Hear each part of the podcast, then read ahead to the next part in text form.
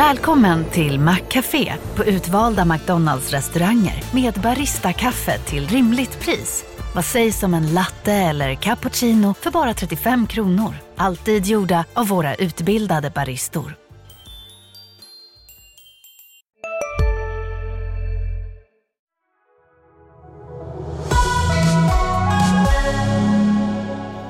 Bankoron är tillbaka, om den någonsin har försvunnit. Dominerade nyhetsflödet på Wall Street igår. Särskilt mycket press var det här i Norden. Och detta ska vi prata om just idag. Neråt i Asien under natten, även om det inte var någon akut panik. Det är den 24 mars, det är löningsfredag. Du tittar på Börsmorgon. I dagens program alltså bankspecial kan vi väl säga. Det blir också teknisk analys med Nils Brobacke och Cibus som delar ut och gör emission samtidigt kommer vara med oss lite senare i programmet. Allra först säger vi välkommen till Andreas Håkansson, bankanalytiker på Danske Bank. Väldigt Tack. vältajmat och roligt att ha dig med just idag.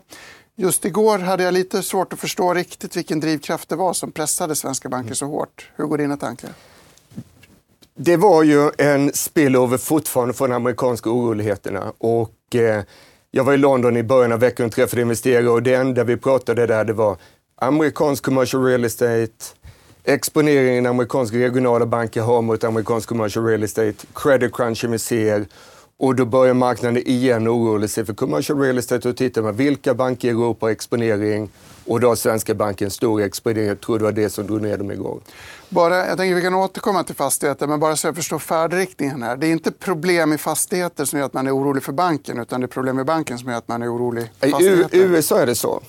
Men då gör man en förenklad analys i Europa och tittar på vad har vi commercial real estate och så tror man att vi får problem där, vilket man i och för sig har trott under väldigt lång tid. Men nu är man tillbaka till det temat och då säljer man på bankerna igen. Mm. Det syns ju på svenska fastighetsaktier också. Det har varit hård press. Eh, jag noterade att Handelsbanken handlades ner rejält i den här pressen igår. De delade ut pengar. Idag är det Nordeas tur. Mm. HB straffades mer än vad man delade ut, men det förklaras kanske av det du precis beskrev. Och samtliga banker var ju ner. SEB och Nordea var ju mer, ner mer än HB och Swedbank igår. Så att det var egentligen inte Handelsbanken som drabbades värst, utan det var värre för, för SEB igår värre för ECB igår. Vi ska fortsätta prata bank. Jag vill nämna resebranschen kort, apropå nyhetsflödet. Dels har SAS redovisat en förlust för perioden 1 november till 28 februari. Intäkterna var 10,4 miljarder och resultatet var minus 3,6. Varför vi får de här siffrorna helt plötsligt nu tror jag beror på den här Chapter 11-processen i USA som sätter lite andra krav på redovisning. Ehm, vi noterar också att TUI, alltså den danska resejätten, gör en nyemission, en räddningsemission på 20 miljarder kronor. Och vi hade Cibus emission igår som vi ska prata om lite längre fram. Det är roligt för bankerna. De får i alla fall sätta några emissioner i investmentbankerna. Absolut. Och det kommer ju vara så med fastighetsbolagen också att bankerna kommer att låna ut mer pengar, antagligen till bättre marginaler och de kommer hjälpa till vissa med nyemissioner. Och, eh, så bankerna kommer tjäna poänger på de här oroligheterna. Det är en intressant observation. Jag håller på att skriva en artikel om att bankoron gör bankerna mindre benägna att, att, att låna ut pengar. Man blir, det blir en åtstramande effekt kan man säga. Jerome Powell pratar om det, det ligger på många centralbankirers bord. Vilket skulle kunna pressa fastigheter. De ska göra den här transitionen från obligationsfinansiering till bankfinansiering. Men du låter inte jättenegativ här. Det är så, så pass lite pengar, väl svårt att säga när det Det är ungefär 60 miljarder i år, 60 miljarder nästa år som behöver omfinansieras. 60 miljarder för de fyra storbankerna är inte mycket pengar. Så är krediterna bara bra krediter så finns det inga problem att bankerna inte skulle kunna ta över 60 miljarder av fastighetskrediter. Jag är en född pessimist. Jag hör att du har ett bättre, syn, ett bättre synsätt.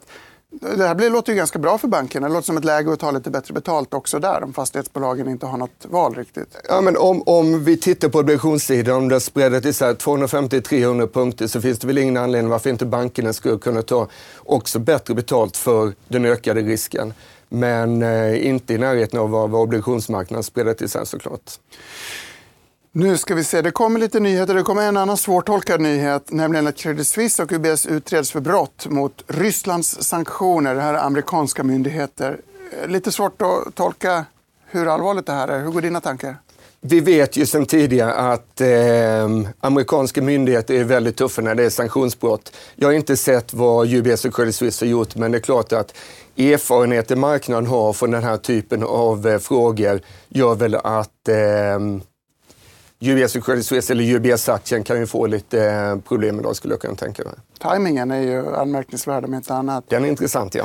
Eh, många smånyheter, det här, eller jag tror att det är en smånyhet. Moody's har haft negativa kreditutsikter på Swedbank. Nu har man justerat upp dem till neutrala om jag inte missminner mig. Man ändrar inte något betyg alltså, men man ändrar utsikterna. Precis.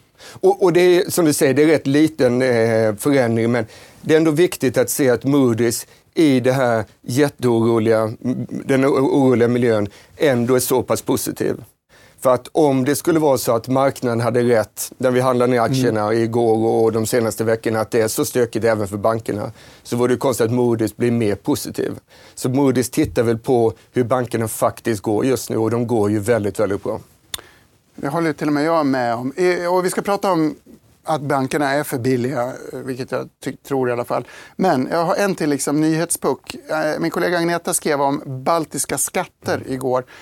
På marginalen kanske det tyngde igår. Jag vet inte riktigt. Har du några tankar Jag tror inte det? det var igår. Den, den diskussionen har väl på och, och med ett par veckor. Jag tror det var en dag i förra veckan banken handlade ner på det. Det är speciellt Swedbank följt av SEB. Och, och det är så att lönsamheten i det baltiska banksystemet är väldigt, väldigt högt just nu. Det är högt normalt men ändå högre nu när räntorna är på väg upp.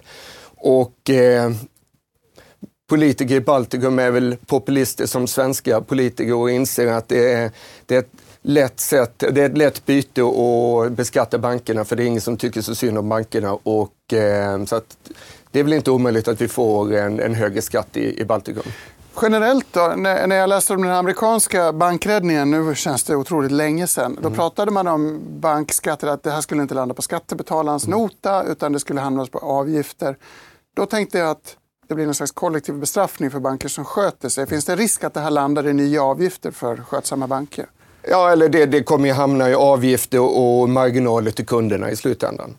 Kanske inte i Baltikum, det beror på att de, de pratar om att göra det på två år, men vi såg ju vad som hände i Sverige med bankskatten, att den skatten flyttade sig direkt över till hushållen och företagen, så det blir en skatt på, på folket i slutändan.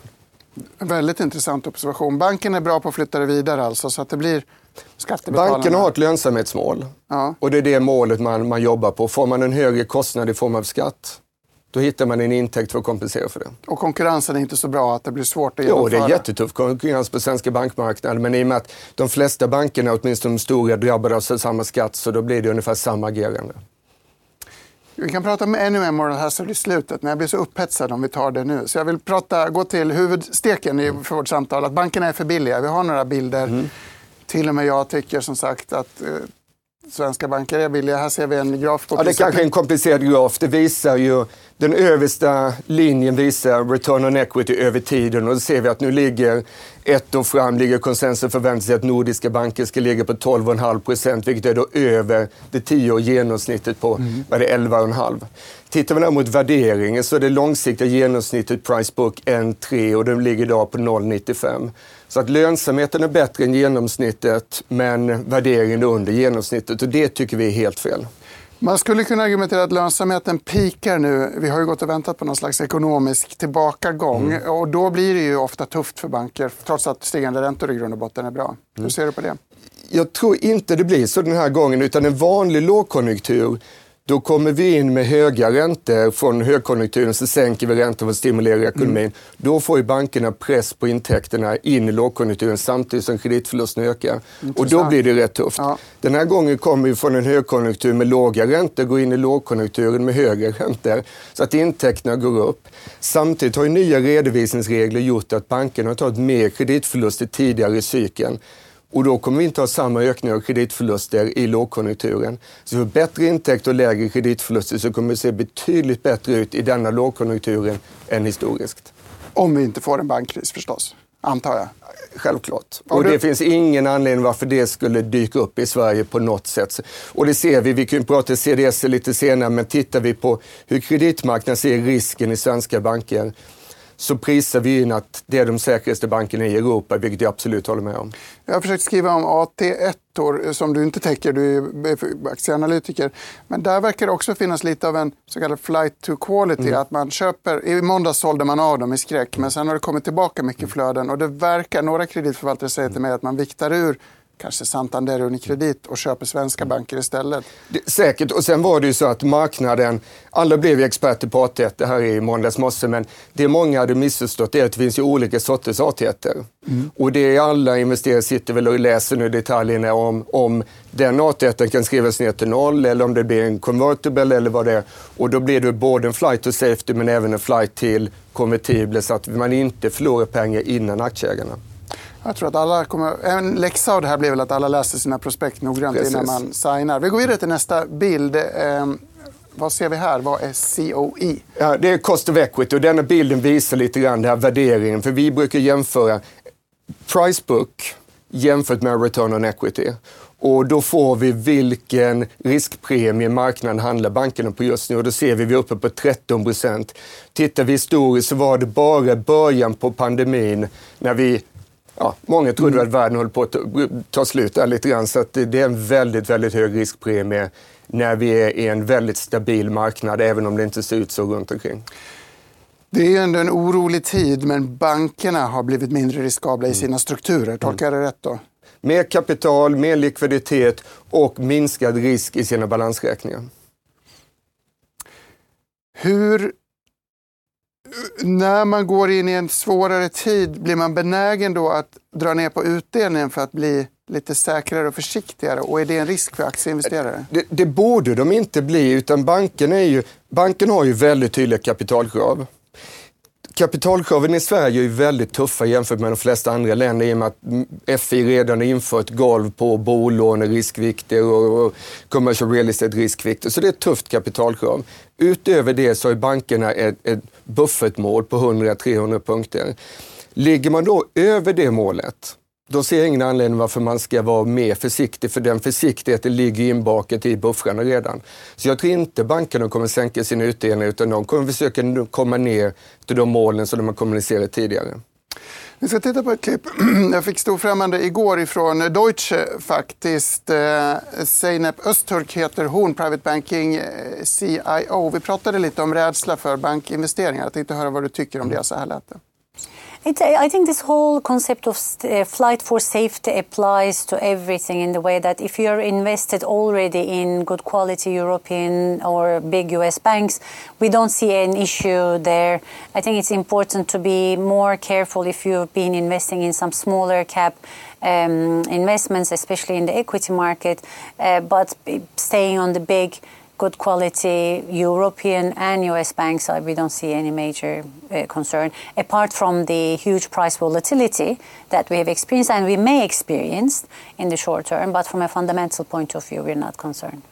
Vi har sett mycket volatilitet. Vi kan se mer volatilitet i banksektorn, men vi behöver inte vara oroliga, i alla fall för den säkrare delen. Det håller jag med om. Jag skulle i och för sig dra det lite längre och säga att vill man ha säkra banker så ska man ju titta på retailbanker. Tittar vi ut i Europa, vi har en samling mer som vi kallar wholesalebanker, kanske Deutsche, BNP, SocGen och så vidare. Där ser jag en större risk. Jag skulle lägga mer retailbank och jag skulle lägga retailbank i Norden som är de mest defensiva banker vi har i Europa. Är alla fyra, för den som inte kan begreppen här, jag antar att det utländska gänget har stora investmentbanker också, retailbanker, ja, konsumentinriktade. Inte just investmentbankerna, investmentbanker också, men det är liksom storföretagsbanker på ett annat sätt. Man har en global affär på ett annat sätt än vad de svenska bankerna har som är mer lokala. Eh, det skiljer lite mellan de svenska bankerna hur mycket företagsexponering man har. Men vi, vi tycker liksom, det är egentligen retailbanker samtliga av dem. Eh, det, den dynamik du precis beskrev är den en förklaring till att till exempel Deutsche straffades, har straffats ganska mm. hårt? Mm. Kan man koppla det till utlåning i amerikansk fastighet till exempel? Både det, för det är de stora europeiska wholesalebankerna som har exponering mot amerikansk commercial real estate. Sen är det också så att i den här flight to safety, Tittar vi som en Deutsche, Commerz, det finns banker då som har extremt låg lönsamhet och då blir man betydligt skadligare om problemen uppstår. Mm. Så att ju lönsammare banksystem vi har, desto mer defensivt är det ju. Så om man ska klaga lite på er journalister så, mm. så, så, är ni ofta på att hacka på bankerna att lönsamheten är för hög och priserna och marginalerna för höga. Det absolut viktigaste för det svenska banksystemet är att vi har ett så pass lönsamt banksystem. Det är därför bankerna är stabila. Det är därför de kan funda sig billigt och låna ut billigt. Det är väldigt viktigt för stabiliteten. Så vi ska vara tacksamma för att vi har lönsamma och stabila väldigt banker. Tacksamma. Lagom är bäst, säger konsumentjournalisten i mig. Vem vet? Så, så är det Men tittar vi på EBA, den europeiska bankmyndigheten, gör ju stresstester vartannat år. Och varenda år så kommer de svenska bankerna bäst ut och det beror på den höga lönsamheten. Och det är väldigt viktigt för stabiliteten just nu. Följer du små banker också eller bara stora? Bara de stora.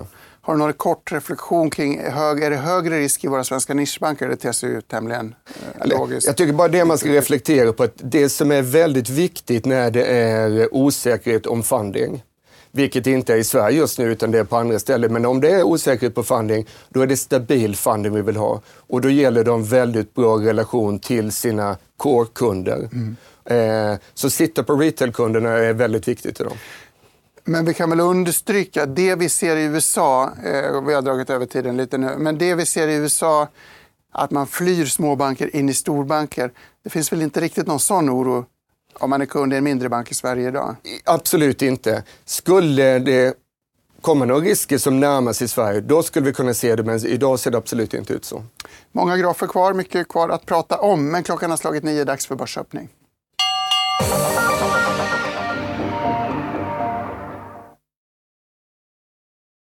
Ja, Stockholmsbörsen öppnar neråt idag och är ner 0,2 procent nu vid börsöppningen. Om vi tittar på storbolagsindex så ser vi att Getinge och Ericsson går svagt, svagt uppåt. Medan Nordea och SKF ligger i bott. Och det beror ju till stor del på att de har utdelning. Nordea ska dela ut 0,8 euro och SKF 7 kronor. Så det förklarar att de ligger i bott här nu på, vid öppningen. Men om vi tittar lite på storbankerna så det har ju varit tungt för dem. Och även idag så backar de.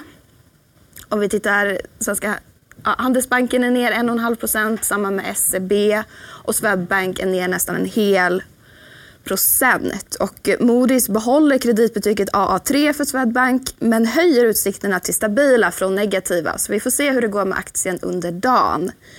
Och sen, det ser ju ut, om vi ser här på Cibus backar 7% Bolaget har tagit in 809, 810 miljoner kronor i riktad emission och pengarna tog in med en rabatt på omkring 10 Och så sent som igår så delade de ju ut pengar. Men precis efter det här så kommer vdn vara med i Börsmorgon och så reder vi ut lite mer vad som hände med det bolaget. Eh, och sen SAS har rapporterat för amerikanska myndigheter för, inför eh, Chapter 11-processen. Och det krisdrabbade flygbolaget har ju rapporterat förlust tidigare och nu rapporterar man en förlust på 3,6 miljarder under de fyra månaderna november till och med februari och aktien är nu ner 1 Och ABBs styrelse godkände på torsdagen ett nytt aktieåterköpsprogram om upp till 1 miljard dollar och beskedet efter att ABB slutfört sitt det kommer efter att de, det tidigare återköpsprogrammet för 2022-2023 är färdigt. Sen så textilåtervinningsföretaget Renewcell är upp 10% De tappade ju rejält tidigare i veckan när deras fabrik i Sundsvall brann. Men bolaget meddelar nu att man tror att det kan vara åter i bruk inom två veckor. Och OX2 har inlett arbetet med att utveckla en storskalig energipark sydöst om Blekinge som kommer att producera både elektricitet och vätgas. Och deras aktier rör sig i sidled. Sen Telias finanschef Per Christian Mörland har sagt upp sig för att gå till motsvarande tjänst på Schibsted. Och spelutvecklaren Stillfront får sänkt riktkurs från 40 kronor till 27 kronor och deras aktie är ner närmare 1 procent. Men som sagt, det är, går bakåt på Stockholmsbörsen närmare en halv procent. 80-90 punkter. Alla storbanker ner 80-90 punkter. Vi har fått förstärkning i studion. Som inte sändningen var bra nog redan så har Nils Brobacke ankommit. Vad säger du om... Eh, varmt välkommen ska vi säga. Tack så mycket. Kul att vara här. Ja, bäs där ute, eller? Det är det. Frågan är om vi är en stor sektorrotation eller om det är liksom någonting större på gång. Eh, jag har med lite grafer så vi, vi kommer titta på det. Men det är klart att de vinnarna från förra året är, är det som åker på mest stryk nu och eh, handlar mycket om räntan. Eh, väldigt mycket om räntan. Vi har snackat väldigt mycket bank den första kvarten. Hur viktig är bankernas prestationer att titta på dina grafer? Gör en övergripande TA-analys. Eh, min grundsyn just nu är att vi, vi, vi håller på med den här stora sektorrotationen in från value till då growth. Eh, men med det sagt så kommer vi inte ha en bullmarknad för aktier om inte banker deltar. Så banker är otroligt viktiga. Så trots, och banker är value, eller hur? Definitivt. Trots att de ligger i fel fack i det du ser framför dig så är det avgörande att de sitter med på tåget i alla fall, även om de inte åker längst fram. Det skulle jag säga. Det är svårt att hitta en bullmarknad för aktier där, där banker har eh, gått negativt. Ingenting funkar utan glada banker. Det kan vi enas om. Va? Mm. Från bank till fastighet. Cibus gjorde en riktad nyemission igår kväll och fick löpa gatlopp på Twitter. Eh, vi ska försöka nyansera den diskussionen och är väldigt glada att Sverker Källgården är med oss för att förklara. Sverker, varmt välkommen. Kul att du är med. Kan du berätta lite hur ni resonerat kring den här emissionen? Ja, tusen tack för att jag fick vara med. Eh, vi har i rådande marknadsläge för hög skuldsättning i Cibus och en obligation som ska refinansieras i september. Styrelsen har noga utvalt eh, alla alternativ som fanns eh, och fann denna lösning som den bästa för bolaget för att kunna minska skuldsättningen och därmed våra räntekostnader. Eh, en obligation till exempel hade ju varit sämre för bolaget i detta marknadsläge.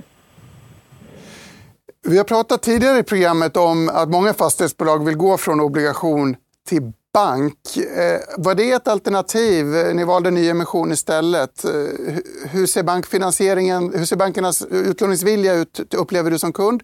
Och hur ser priset ut? Eh, vi, eh, vi, har, vi har fortsatt väldigt bra dialog med våra banker och vi för en dialog idag också eh, vad vi kan göra på skuldsidan om vi kan toppa upp de befintliga lån vi har.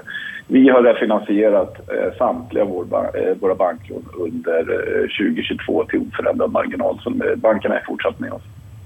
Ni delade också ut pengar igår. Jag tror att det var det här som triggade indignationen. Kan du diskutera tajmingen i, i, i emissionen samtidigt som man delar ut? Ja, eh, gårdagens utdelning den bestämdes ju på stämman för ett år sedan och den har ingenting med det här beslutet att göra. Utan emissionen gjordes i, i i det marknadsläge där vi, där vi ansåg att det var möjligt helt enkelt. Kan, kan man, är man bunden till utdelningen alltså eh, månadsvis i ert fall? Man kan inte bromsa?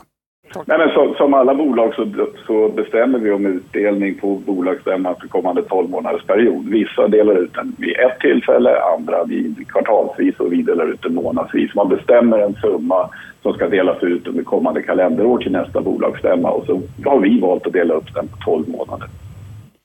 Hur stabila är ni efter den här emissionen då?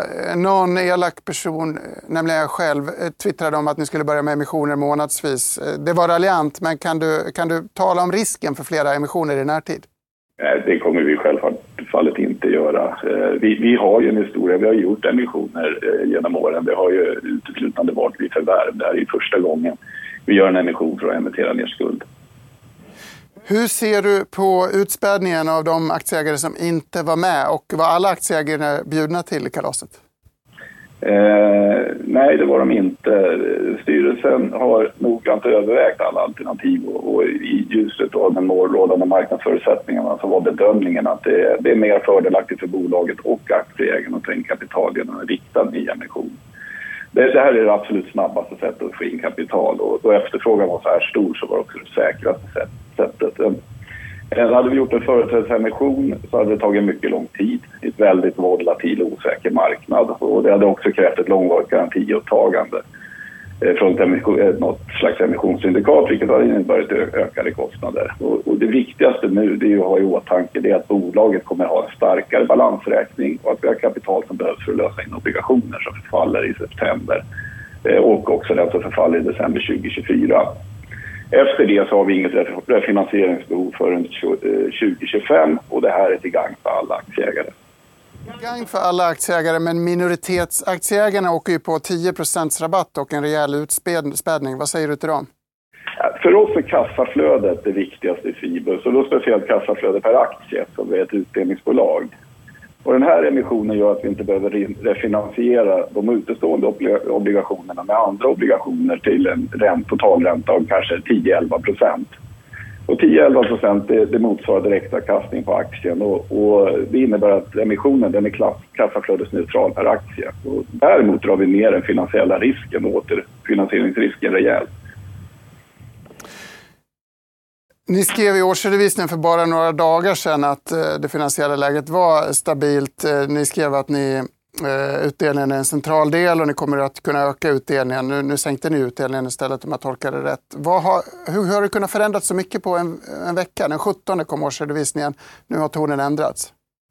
Det har inte förändrats på en vecka. I, i, i bokslutskommunikén som kom i Q4-rapporten så föreslog styrelsen utdelning som är justerad till nivå. Som, som, vi sänker utdelningen från 99 eurocent till 90 eurocent.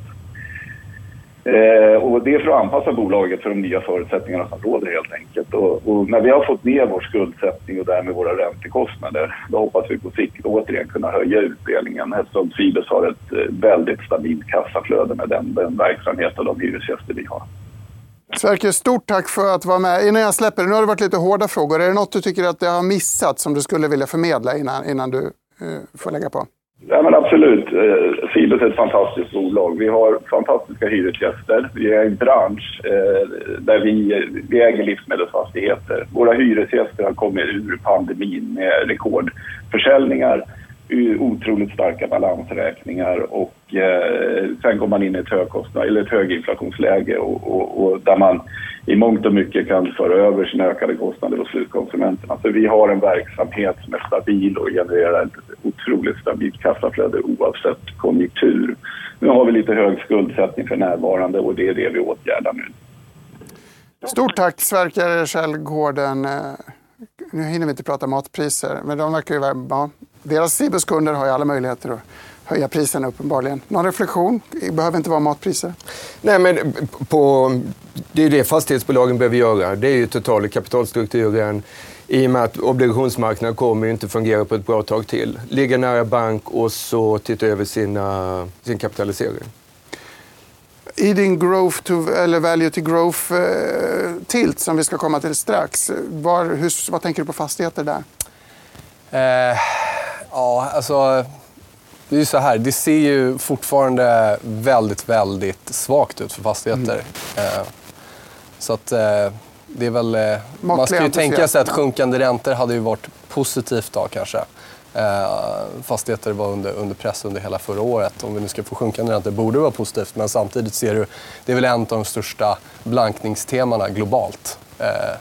Både, både vanlig real estate och commercial real estate. Så att, ja, jag är inte jättemycket syn där faktiskt. Jag noterar att Sverker, som alla jag pratar med, säger att man har bra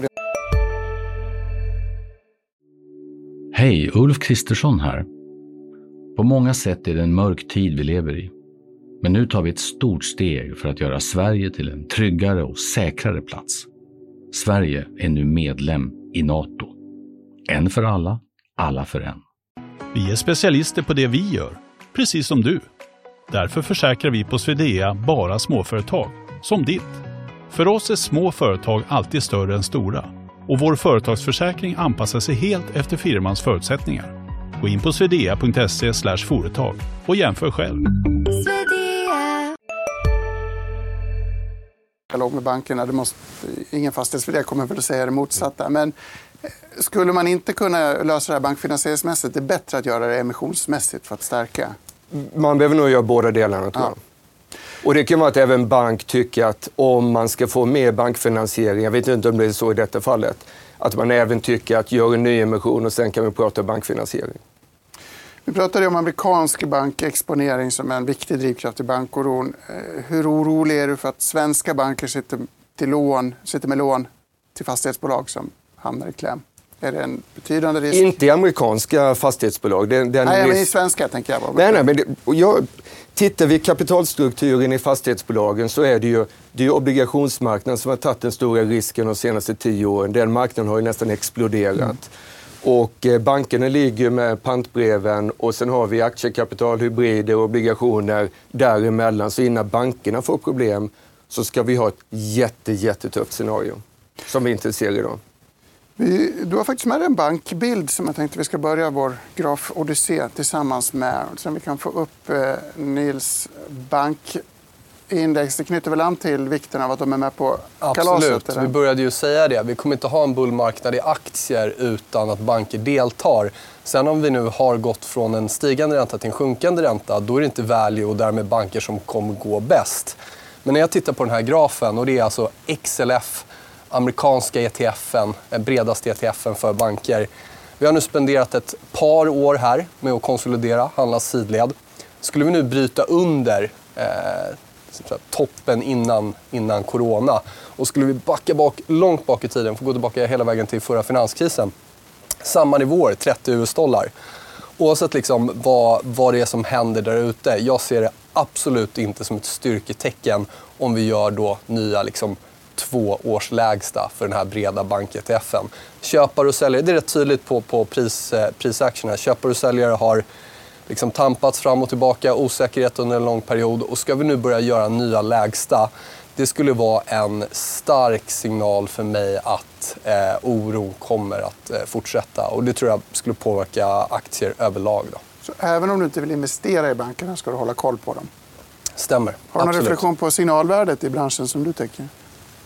Nej, men bankerna, jag håller med. Bankerna är ju det är en stor del av index och tittar vi värderingsmässigt relativt den bredare marknaden eller de andra stora sektorerna som, som verkstad så är bankerna väldigt, väldigt billiga. Och, och, det är en del investerare som har inte velat äga bank på länge för man tycker att banker kan inte leverera. Men då får man inte glömma, att vi har haft tio år med låg negativ eller nollränta mm. eller negativ ränta. Vi har haft tio år med nya kapitalregler som slagits på bankerna och nya bankskatter.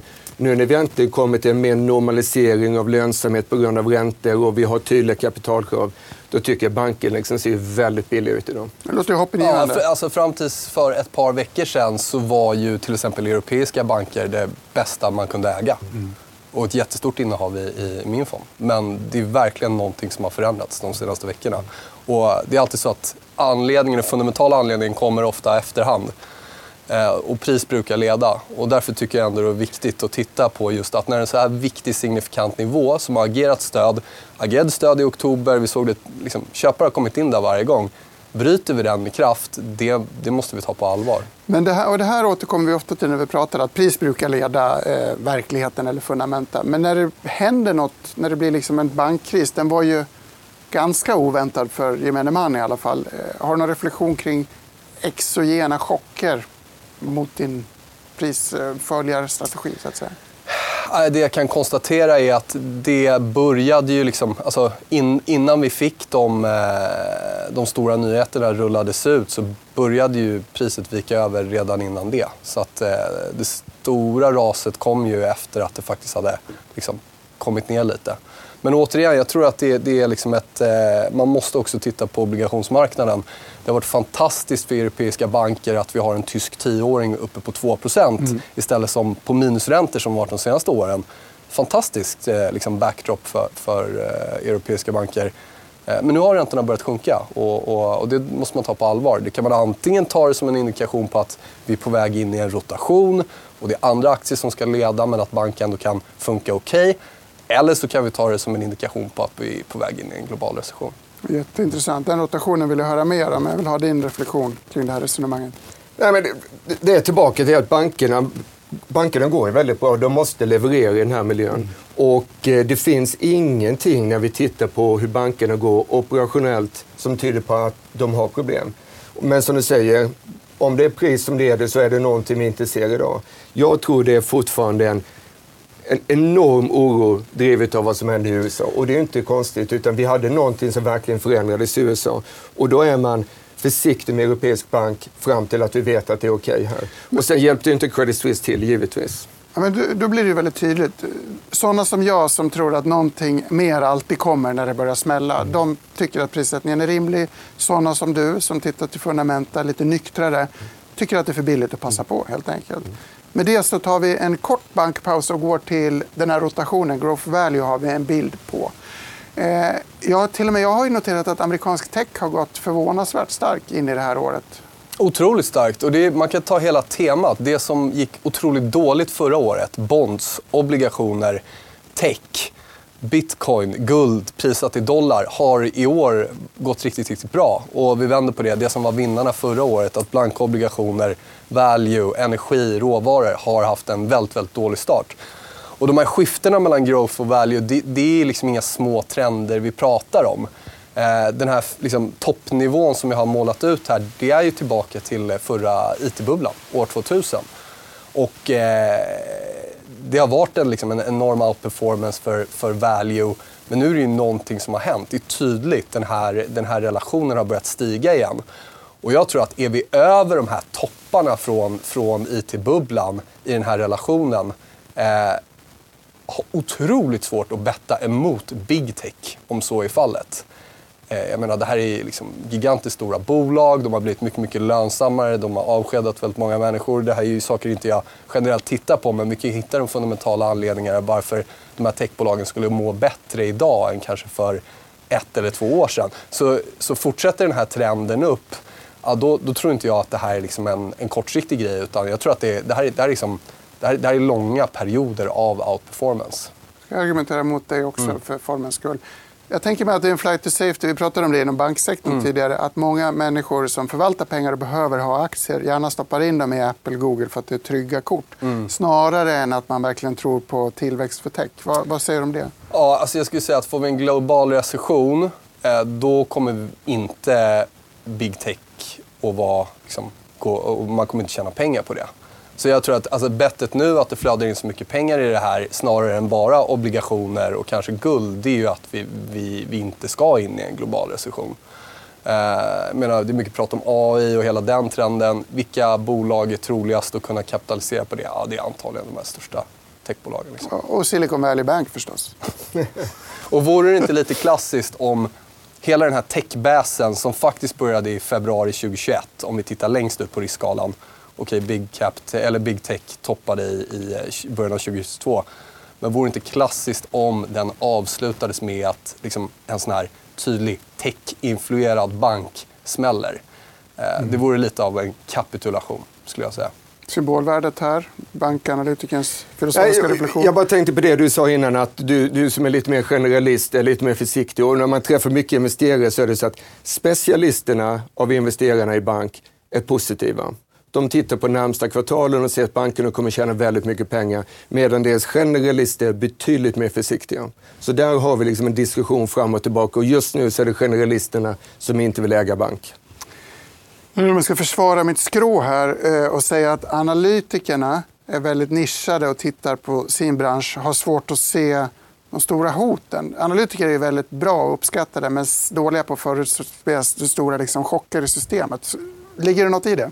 Jag vill inte Jag tror faktiskt inte det ligger något i det. Vi tittar, jag tror att speciellt bankanalytiker har förstått att det är makro som spelar roll för bank. Det är inte bara kvartalssiffrorna. Så jag, tror, jag tror vi tittar lite bredare än så. Hoppas vi ska byta, byta studio innan stämningen blir för dålig här innan Sofie Gräsberg står redo för att ge oss en liten börskursuppdatering. Ja, Stockholmsbörsen fortsätter neråt och sämre går det för storbolagsindex som är ner nästan en hel procent. Om vi tittar där på storbolagen så Investor och Getinge ligger i toppen. Medan Nordea och SKF ligger i botten, vilket till stor del beror på att de har utdelning. Nordea ska dela ut 0,8 euro medan SKF 7 kronor. Så det förklarar att de ligger där i botten idag. Men om vi pratar lite mer om Nordea så det har ju varit tungt för storbankerna och vi ser idag att de på bred front backar omkring en halv procent. Eh, om vi förflyttar oss över till Cibus som vi pratade med nyligen, precis nu på morgonen, så backar deras aktie 6,5 procent.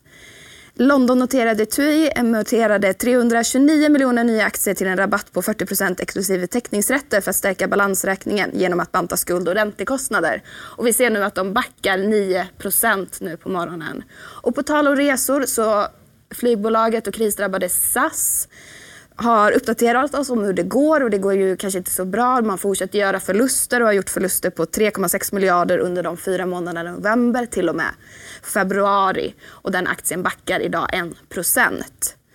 Bättre går det för det lilla spackbolaget Hoddle, listat på Spotlight, som är upp 25% efter att ha köpt ett bolag. Det skulle ha köpt något inom blockkedjetekniken men sa nyligen att man breddat sig till att söka andra platser.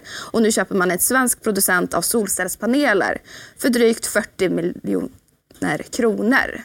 Och även Renewcell rusar och är upp 13 procent nu på morgonen. Det backade ju tvåsiffrigt tidigare i veckan när deras fabrik i Sundsvall brann. Men man har nu meddelat att man beräknas kunna vara åter i bruk inom två veckor. Och OX2 har inlett arbetet med att utveckla en storskalig energipark sydöst om Blekinge och deras aktie handlas i sidled. Och samma för spelutvecklaren Stillfront som har fått en sänkt riktkurs från 40 till 27 kronor och deras aktie är ner en halv procent. Men som sagt, Stockholmsbörsen fortsätter neråt och är ner lite drygt en halv procent. Mm, vi ska snart prata om bokstaven B, men jag vill ta en snabb... eh, Dels noterar vi Cibus nedgång på 6% Nordea är ner på grund av emission. Ett tema igår... Utdelning. Nej, förlåt, utdelning. Ursäkta. Herregud. Eh, men, men det här kan vi ta som nybörjarlektion. Varför är man så rädd? Nu gör vi, ser vi emissioner i många bolag. Man vill absolut inte se en emission i en bank. Varför är det så mycket värre för en bank att göra en emission än för ett fastighetsbolag eller vem som helst? Nej, men det, jag vet inte om det är så mycket värre, men eh, jag, liksom, banken är ju välkapitaliserad i början. Men skulle en bank behöva göra en nyemission, då har ju kapitalet tagit slut. Så att, eh, det skulle vara väldigt allvarligt. Men men det är inte aktuellt, ska vi Det- det under, är långt ifrån aktuellt. Det är mer än något jag Ja. tänker på innan jag somnar. Men jag ville fråga något annat om Nordea, apropå utdelningen. Nordea är en väldigt likvid aktie. Mm. Nordea är också med i europeiska bankindex. Vi pratar om ETFer. Förklarar det att Nordea handlas ner lite mer när det är oroligt? Den kan vara lite mer volatil och det, det ser vi att europeiska bank, eller globala investerare i europeisk bank, vill man ha sydeuropeisk risk, lite lägre kvalitet, lite billigare multiplar, lite större potentiell uppsida, då säljer man ofta lite nordisk defensiv exponering och då är det Nordea man säljer för att köpa den europeiska risken och vice versa. Så den kan vara lite mer slagig än de helsvenska bankerna. Banker börjar på B. Det gör också mycket annat. Nils, vi har en bild som är obligationsanknuten. Du har en trippel B. B-rating åt oss, va? Ja, exakt. Nej, men det är en rolig akronym. Man kan ju dra flera paralleller. Men jag tror så här, om vi ska fokusera på pris och i det här fallet så har jag tagit med en graf på TIPS, alltså inflationsskyddade bonds mot IEFs, alltså 7 och 10-åriga treasury bonds. Och vad den här ger oss, det är egentligen räntemarknadens förväntningar på inflation going forward. Eh, och, och, Rensat inflations eh, framtidsindex alltså. Ja, exakt. Alltså det, det är ju liksom, de här tipsen då stiger ju när förväntningarna på inflation stiger. Investerare söker sig dit. Eh, och vi såg ju under förra året till exempel inför eh, kriget att den här relationen steg kraftigt. Då. Eh, och, och, och det jag tycker är intressant här nu är att nu är vi nere tillbaka på nivåer vi såg innan kriget bröt ut. Vi har hamnat på den här N10 flera gånger och, och för mig ser det ut som, om vi väger samman det här med att flera liksom, eh, treasury bonds ser ut att ha bottnat och tech har fått varmluft och så vidare. Så att Fed kanske har knäckt eh, inflationen. Eh, Det är så jag ser på det. Och framförallt om vi skulle bryta ner under de här nivåerna och etablera oss under 1,10. Och då ger det oss nästa fråga. Vad är det vi då ska äga? BBB. Alltså det första är ju rätt självklart bonds, obligationer. Det kommer funka. Det var ju det värsta förra året. Och nu, nu Ja. pausar jag lite. Vi tror att inflationsmonstret är kuvat lite grann. Då kommer räntorna att komma ner. Då är det bra att äga obligationer. Helt Absolut. Enkelt. Ja. Och tar vi då en till exempel 20-årig treasury bond förra året var ju ner otroligt mycket. Något som ska vara säkert. Och, eller en 10-årig treasury bond. Och det här är ju då saker. Här har vi med till exempel ett innehav som jag har i min fond. 7 och 10-åriga treasury jag, får jag bonds. pausa det igen? Ja. Jag är nämligen inte bara en 81-fantom, jag är durationsrisksfantom också. Just det. numera. Och förstår att långa obligationer svänger väldigt mycket. Ja. Och det gillar du som aktiv Ja, man hade ju kunnat välja en 20-årig treasury bond här. Det här är ju lite kortare, 3 och 7-åriga. Och det är för att jag tycker att de, de eh, har faktiskt varit de som är starkast. De ser ut att ha bottnat, som vi ser på den här grafen. Eh, Jättestor nedgång under förra året som började eh, redan under 2021. Och det här är självklart då när räntor börjar gå ner så stiger obligationsvärde. Men det skulle kunna vara läge att att- att även köpa eh, statsobligationer med lite längre löptid. Men poängen är ju här nu att om räntor, eh, stigande räntor var en press på eh, då obligationer, på till exempel guld, bullion och det är här den här akronymen kommer in, BBB. Bonds, bullion och big tech. Eh, om vi ser en, en stor, som jag tror och det ser ut, att vi har sett en stor, stor trendvändning i den här trenden, eh, då kan det här bli ett fantastiskt investeringstema för 2023. Då. Sen får du göra det lite svårare. Då. Eh, skulle vi gå in i en global recession och då blir det de här bankerna som blir viktiga att titta på igen. Då kanske de här big tech, eh, att det inte är så gynnsamt att äga det utan då är det snarare bonds och bullion, alltså guld, som, som man vill vara överviktad mot. Och du nämnde ju också här innan sändning ett fjärde B, bitcoin. Precis, det Jättehög, digitala guldet. Ja, har också haft ett starkt år eh, och hög korrelation med Nasdaq.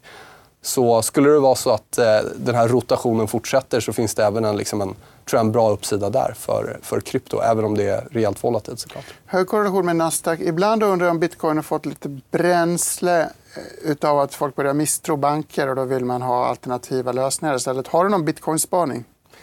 Nej, jag är lite för gammal för bitcoin. Det. Jag är, tittar på gammelbanken och, och, är nöjd med det. För mig är det mer en risk-on-trade. Jag tror ja. inte, det var ganska tydligt förra året att det, det är absolut ingen safe haven. När nu vi har sett en så stor rotation in i tech, Nasdaq är upp rejält på året medan eh, value är väl typ sidled. Eh, då, då hänger bitcoin på där. Så att, ja, för mig är det en risk-on-trade. Eh, liksom, och korrelationen med Nasdaq är, är väldigt hög. Vi har några bankbilder kvar som vi inte hann med tidigare. Jag tänkte att vi ska riva av dem innan vi återkommer till Nils. Vi tar dem väldigt snabbt. Det är en tabell, om jag inte missminner mig. Vad ser vi här? Prisutveckling, helt enkelt. Ja, det, nej, det är inte prisutveckling. utan det, är, det jag tycker jag är intressant. För om vi tittar, som vi sa innan, att bankerna är väldigt billiga jämfört med den bredare marknaden. Tittar vi hur konsensus EPS-uppjusteringar ser ut så ser vi om vi tittar på 12 månader så har marknaden, eller analytikerna lyft estimaten i bankerna från, ja DNB knappt ingenting, men tittar vi på de svenska bankerna 15 till upp till 30 procent, mm. medan OMX har stått stilla egentligen. Och tittar vi year to date så är OMX ner med bankerna upp. Vi tror det här fortsätter. Vi tror att konsensus har för låga estimat fortfarande i bankerna, så bankestimaten ska upp. Samtidigt som våra strateger tror att estimaten för den breda marknaden ska ner. Om vi redan idag handlar bankerna till en väldigt, väldigt låg värdering relativt så blir det ohållbart och därför tror vi att banker kommer att performa under den närmsta tiden. Vi ska titta på två bilder till. Jag vill flika in eh, att de tyska bankerna fortsätter att ha det väldigt, eh, eller de germanska kan vi säga. Deutsche ner 6, Commerzbank 4, UBS 6% ner. Vi har nämnt det i inledningen av programmet, men vad, vad tänker du om den här utvecklingen? Jag, jag tror det, Investerare vill inte äga europeiska wholesalebanker då för man ser risken att man kommer knytas ihop med amerikansk real estate. Och då är det tyska banker till stor del, kanske även franska. UBS har nog mer att göra med eh, riskerna tillsammans med Department of Justice och den biten. Har du någon reflektion kring tajmingen att eh, amerikanska myndigheter rider in just nu?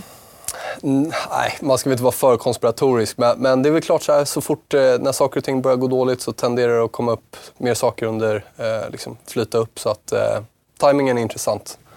Jag tror väl snarare att amerikanska myndigheter också var väldigt nöjda att de schweiziska myndigheterna hittade den här lösningen över helgen. Så att man inte spred oroligheterna med Credit Suisse. För hade man hittat en sämre lösning kunde det bli betydligt värre och då hade det drabbat amerikanska banker också.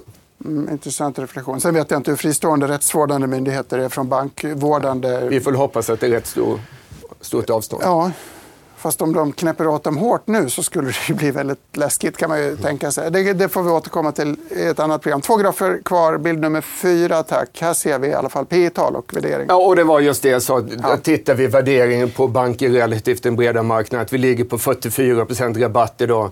Med det långsiktiga genomsnittet har varit 30 procent. Och, och då tycker jag ändå 30 procent är för mycket med tanke på att vi haft en period med lågränta. Där det varit väldigt, väldigt svårt för banker att tjäna pengar. Det har varit en strukturell press. Så att egentligen borde vi väl gå till kanske 10-20 rabatt snarare än 30, absolut inte 44. Sista bilden då innan vi går vidare. Eh, gans... Ja, det är egentligen bara samma ja. graf fast relativt verkstad. De är ännu billigare och egentligen på all time low idag. Vi är på all time high här i programmet tycker jag. Väldigt intressant. Nils har själv och självspäkande bett att få prata lite grann om avkastningen i hans egen fond som inte har varit kanske vad du hade önskat när du började. Ja, men det är klart att det är alltid tufft att börja med en drawdown. Jag tror efter gårdagens NAV som kommer upp senare här idag så är jag väl ner 6,5% på året. Och spontant så kan man ju kika på och kolla men hur har aktiemarknaden gått. Då? Men det är betydligt bättre än det. Då. Eh, och jag tror att här blir det viktigt, eh, precis som när man tittar på andra investeringar och försöka zooma ut lite och kolla på perspektivet. Global makro och trendföljande strategier som min fond kategoriseras inom haft sin värsta månad här i mars på 23 år ett 9 sigma-event. Alltså otroligt ovanligt. Vad är ett 9 sigma-event? Ja, det, det, det, är något som händer väldigt, väldigt sällan. Vi får gå tillbaka 23 år till förra IT-bubblan för att se en så här stor nedgång för den här typen av fonder. Tittar vi på Société Générales trendföljande index, som följer de största trendföljande fonderna, så tror jag det är ner 9,5% på året. Och tittar vi på den största spelaren här på hemmaplan, som även är stor eh, på, på liksom ett globalt perspektiv, tror jag är nere över 10 procent. Är det Lynx alltså, eller SEBs? Ja, det stämmer. Ja. Så att, eh, och med det sagt, det är aldrig kul att vara i en rådan, det är aldrig kul att, att förlora pengar såklart. Men jag tror jag menar att man har en tilltro till trendföljande strategier Uh, och då säger ingenting om, om vem man ska välja, men då är det här tror jag ett yppligt läge att faktiskt investera i en trendföljande strategi. Om vi backar bak bandet förra året, enda kategorin som tjänade pengar. Jag tror snittet då, om vi går tillbaka till det här Société Generals trendföljande index var upp över 30 procent. Uh, uh, och precis som aktiemarknaden så är så att säga, förutsättningarna eller klimatet för, för, för olika strategier passar olika bra. Så att, Eh, ska vi prata drawdowns? Ja, Stockholmsbörsen är väl fortfarande i en drawdown va? sen början av 2022. Ner lite drygt 15 procent tror jag utan utdelningar. Tar vi Nasdaq, S&P eh, är ner typ 25 procent sen början av 2022. Så att det har varit en, en tuff start. Eh, men jag tror också att om man zoomar ut och eh, eh, tittar på det som helhet så är det här liksom ett bra läge att faktiskt investera i den här typen av strategier. Och egentligen mitt enda existensberättigande eh, det är att jag ska kunna leverera en avkastning som inte är korrelerad till börsen och till räntor. Och då kan det tyvärr se ut så här att på kort sikt så kan det vara ja, liksom sämre än börsen. Det kan till och med vara på minus när, när börsen är upp. Då. Så att, eh, det tycker jag är viktigt att lyfta. Och vi förvaltare är väldigt bra på att komma hit och berätta om när det går bra. Eh, och då är det minst lika viktigt tycker jag att komma hit och, och liksom prata om, om strategin och, och, varför det ser ut som det gör. Och ska vi gå tillbaka då, varför är, har det varit en så katastrofal månad för trendföljande, ja, men du har ju det här med growth, value, ja. räntor. För det är hela den trenden, det vill säga det som funkade så bra förra året och som då en trendföljande strategi liksom har tjänat pengar på, den har ju reverserats den här senaste tiden. Eh, det leder oss till vår avslutning. Det tyckte jag var intressant och bra att du tog upp det här ämnet. Det är fredag idag. Eh, när det är oroliga tider har vi lärt oss sedan pandemin så är det jobbigt, extra jobbigt på fredagar. När det är bankoro så är det extra, extra jobbigt på fredagar för att amerikanska myndigheter tycker om att nypa bankerna just på fredag efter stängning. Har du någon fredagsreflektion? Det, det, är väldigt stökigt bland de amerikanska bankerna. Jag tror inte vi får någonting denna helgen, men eh, det är långt ifrån över med den amerikanska osäkerheten på bankmarknaden. Så att eh, man vet aldrig. Och vi ska avsluta med en liten pedagogisk... Eh, jag, har svårt, jag vet ju att stigande räntor är bra för banker men avkastningskurvan som den ser ut nu har varit dålig för banker, säger en del. Varför det, kan man förklara det på ett enkelt sätt? Ja, men det som spelar roll för svenska banker det är egentligen nivån på korträntan. Mm. Och det har ju varit väldigt, väldigt kostsamt då, men när vi hade minusränta speciellt, men även nollränta. Och då såg vi att lönsamheten i banksystemet under tio år var mycket lägre än vad det historiskt har varit. Och eh, kommer vi upp nu på en ränta på, vi säger om vi går upp till 4, då kanske det är lite för högt. Men sen när vi kommer ner mot 2-2,5 procent så tror jag det är den perfekta räntan för bankerna. I USA pratar man också om långräntans betydelse och lutningen mellan de här två kurvorna. Är det annorlunda för amerikanska banker? Ja, lite mindre beroende av eh, lutningen på kurvan på de lokala bankerna. Och vi ska titta på en sista kurva innan vi tackar för kaffet och tar helg. Det är amerikaner som googlar på money market funds. Man kan alltså få, fram till nyligen kunde man få 4-5 procent på korträntefonder i USA. Och då tar man ut dem från bankkontot stoppar in dem mm. någon annanstans. Och det är en del i den amerikanska sidans problem. Mm. Ja, men absolut. Och, och, det är, ju, är man osäker för, på sin inlåning i banken, vilket bevisligen folk var i SVB och First Republic och så vidare, då är det ett sätt istället för att ta ut pengar så kan du flytta in det i en money market fund. Tittar vi i Sverige så är det ju väldigt stabil inlåning i storbankerna. Men på sin håll så kan vi säkert se de trenderna i Sverige också. Det är fredag, du gillar ju veckomönster. Har du någon avslutande reflektion till oss? Jag skulle vilja liksom påpeka det vi sa här igen. Att eh, får vi en stor avförsäljning i bankerna, XLF stänger under 30 US-dollar, en nivå som har agerat stöd så länge, det har en historisk kontext, pris har minne det skulle jag i alla fall se som en, en, eh, en klar risk-off-tecken. Eh, så kolla, kolla in XLF och stängningen ikväll. Det blir viktigt. Det säger Nils Brobacke på Brobacke Global Allokering. Andreas Håkansson från Danske Bank säger däremot att bankerna är för billiga i den här oron och det är köpläge i alla fall i de tryggare korten. Inte minst så har du en direktavkastning, det har vi inte nämnt, på närmare 10% på bankerna. Det är väldigt attraktivt. Screaming buy med andra ord. Jag, eh, AT1-fantomen Gabriel Mellqvist, tackar för mig. Kul att ni kollat. Missa inte Börskoll klockan 14. Häng med oss som alltid på di.se och di.tv. Det är fredag, det är löning. Njut av veckoslutet. Hoppas vi slipper sitta uppe hela söndagen och följa någon ny, något nytt haveri. Eh, vi är tillbaka igen på måndag här i Börsmorgon. Ha det gott!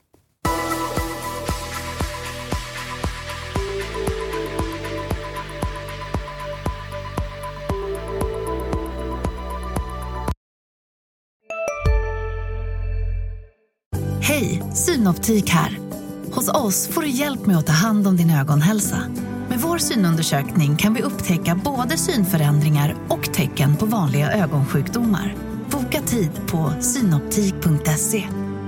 Hej, Susanne Axel här. När du gör som jag och listar dig på en av Krys vårdcentraler får du en fast läkarkontakt som kan din sjukdomshistoria. Du får träffa erfarna specialister, tillgång till lättakuten och så kan du chatta med vårdpersonalen. Så gör ditt viktigaste val idag, lista dig hos Kry.